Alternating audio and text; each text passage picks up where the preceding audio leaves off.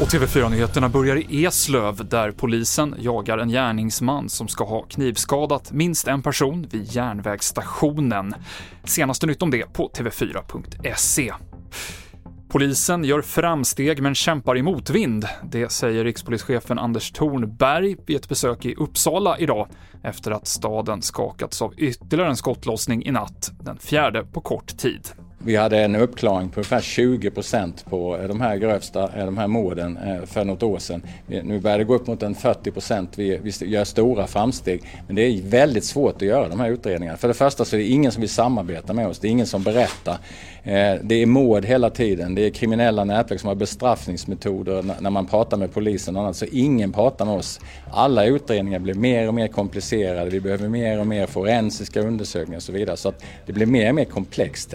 Det sa rikspolischef Anders Thornberg och ett område i Stenhagen, stadsdelen i Uppsala där nattens skjutning inträffade, har nu spärrats av efter att ett misstänkt farligt föremål påträffats.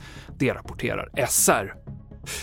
Minst 5 300 människor har dött efter översvämningarna i nordöstra Libyen och 10 000 saknas. Kraftiga skyfall fick två dammar att brista i staden Derna, vilket ledde till en enorm flodvåg som svepte med sig hus.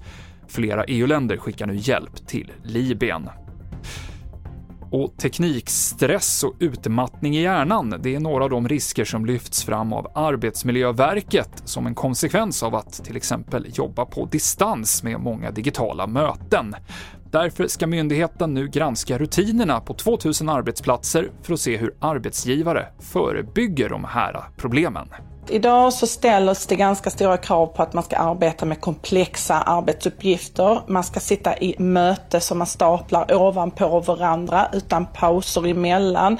Det krävs att man ska svara på mail hela tiden, att man ska spara information. Det är ett enormt informationsflöde. Så här finns många saker som man behöver titta på som arbetsgivare och undersöka.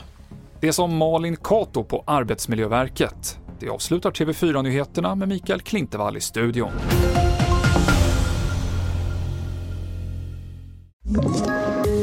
Poddtips från Podplay. I fallen jag aldrig glömmer djupdyker Hasse Aro i arbetet bakom några av Sveriges mest uppseendeväckande brottsutredningar.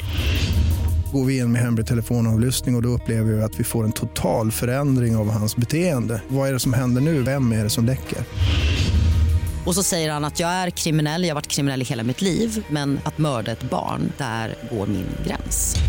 Nya säsongen av Fallen jag aldrig glömmer på Podplay.